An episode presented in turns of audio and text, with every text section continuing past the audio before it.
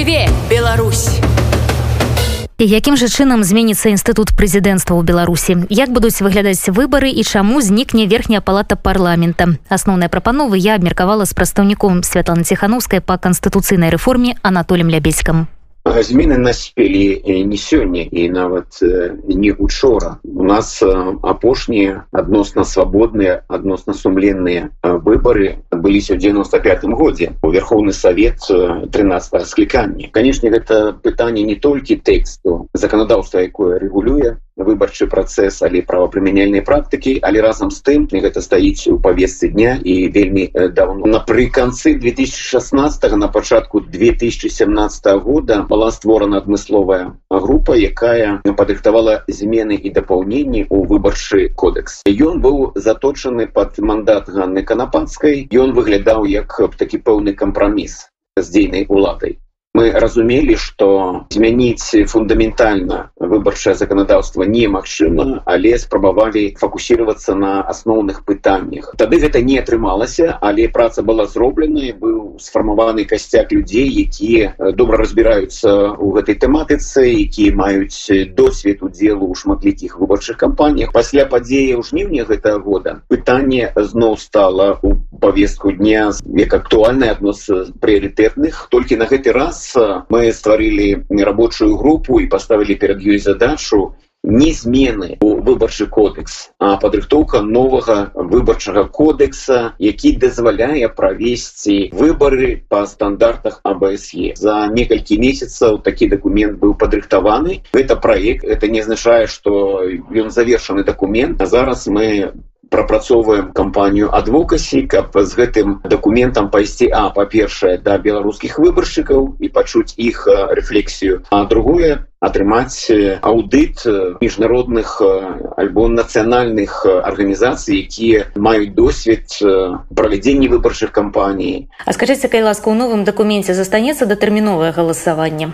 Так датэрміновае галасаванне застаецца але яно моцна рэгламентавана з аднаго боку мы зыходзім з таго што міжнародная практыка яна ўсё ж такі скіравана на тое што ў людзей ёсць магчымасць датэрміновага галасавання у большасці краін. Тренд будзе такі для нас. Але разам з тым ёсць наша практыка калі так прыкладна там 35соткаў фальсіфікацый менавіта адбывалася праз фармата датэрміновага галасавання таму ёсць жорсткая рэгламентацыя вы не можете просто так паўдзельнічаць датэрміновым галасаванні павінны быць моцная матывацыя так скажем альбо ваша хвароба навю пацверджаная там камандыроўка здаецца але пералік іх там некалькі пунктаў якія даюць вам правую подставу для делу у дэтэрміновым галасаванні. Это першае. По-другое вы можете прагаласаваць у выбарчай акрузе толькі на адным участку. І напрыклад акруга сябе включае там 50 участкаў то датэрмінова вы можете прагаласаваць толькі на адны а тыя змены вось якія вы абмяркоўваеце яны неяк будуць кардынальна змяняць інстытут прэзідэнцтва ну гэта больш датычна канешне канцыйнай рэформы тому что менавіта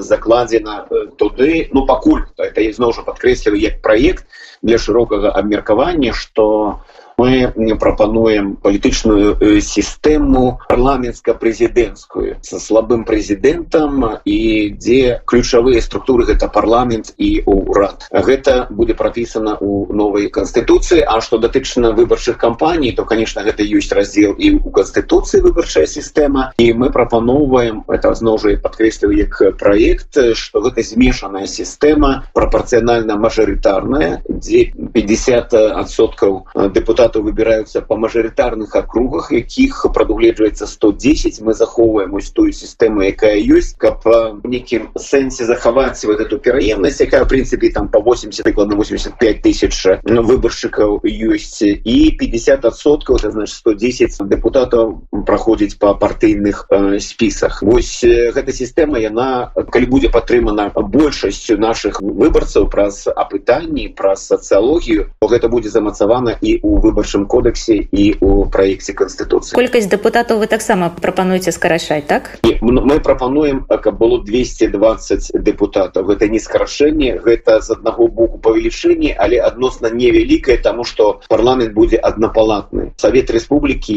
які сёння існуе гэта просто пятое кола увозе калі было 196 недзе то мы прапануем 220 але думаю что вельмі важно каб было прадстаўніцтва і ўсіх рэгіёнаў і ўсіх выбарш выбаршчыкаў і каб яно было ну нейкае больш-менш комфортнае для працы А што тычыцца асобы самога прэзідэнта там па тэрміну паўнамоцтваў па ўзросце будзеце неяк гэтыя крытэрыі пераглядаць гэта якраз у стадыі абмеркавання я асабіста могу толькі бо няма нейкае рашэнне нават камісіі зараз. Я скажу что тут нейкія моцныя абмежаванні наўрад ці яны спрыяюць что паляпшаецца працэс а права выбора мусіць быць у кожнага чалавека мы мусім стварыць сістэму якая не скрадае ніводнага голаса гэта галоўна потым ужо выбарцы нясуць адказнасць выбіраюць маладога. Ну за яго несуць адказ збіраюць больш узростага палітыка. Ну что выбралі тое і маеце. І менавіта праз вось досвед толькі так мы можам навучыцца як адрозніваць там папулізм ад адказнай э, палітыкі. А по тэрмінах не больш за два ёсць такія абмежаванні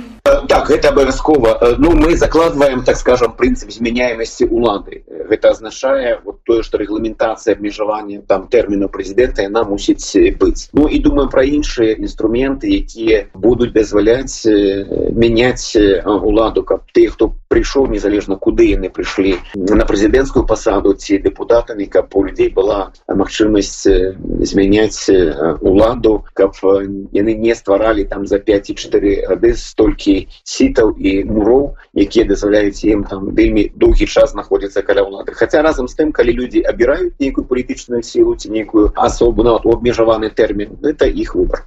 Але я так зразумела что ваш новае выбарчае заканадаўства яно якраз і закладае гэтую сістэму стрыманняў да і процівавесаў для того каб новы лукашенко не паўтарыўся. Гэта я думаю галоўны прынцып. Вот я асабіста яго трымаюся что вельмі важно чаму мы говорим нават про парламенцка-прэзідэнцкую і ставляем прэзідэнта зноў жа як адзін з элементаў вот этой супрацьвагі і процівавесаў. Это вельмі важно асабліва для беларусі якая так ці інак будзе праходзіць нейкі пераходны этап і вельмі важна закласці вось гэтыя інструменты якія не дазволяць нам но вярнуцца у тое чаго мы так хочам пазбавіцца сёння па вашых уражаннях узровень палітычнай культуры беларусаў вырас вы ездзіце абмяркоўваеце гэта праекты пытанні якія вам задаюць яны сталі больш высокай якасці безумоўна гэта я фіксую як факт які мяне здзівіў вельмі моцна тому что я калі мяне запрасілі на першай сустрэчы па канцыйнай рэформе это было у вяжам потым веснянка. Былі не толькі буйныя гарады але смагоні стоўбцы я не думаю шчыра кажучы что можна там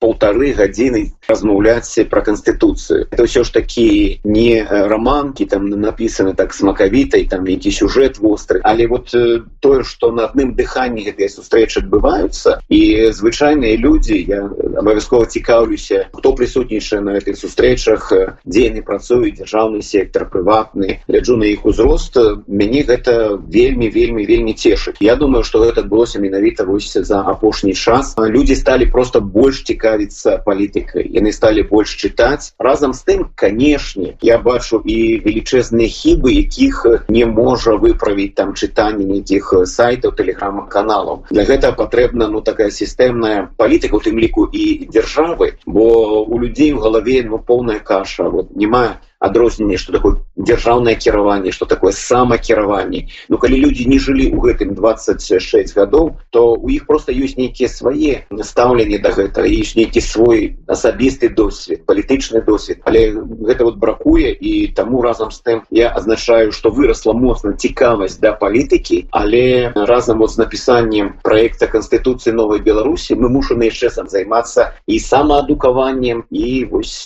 что называется просветительство юрыстаў так. Паўстала пытанне што ў нас не хапае і экспертаў у галіне канцыйнага права. Потому что калі няма опыту то твараць такі вакуум такія дзіркі Нагадаю канстытуцыю новай беларусі арганізацыю свабодных і сумленных выбараў мы абмяркоўвалі з прадстаўніком святланы ціхановскай па канстытуцыйнай рэформе анатолем лябедзькам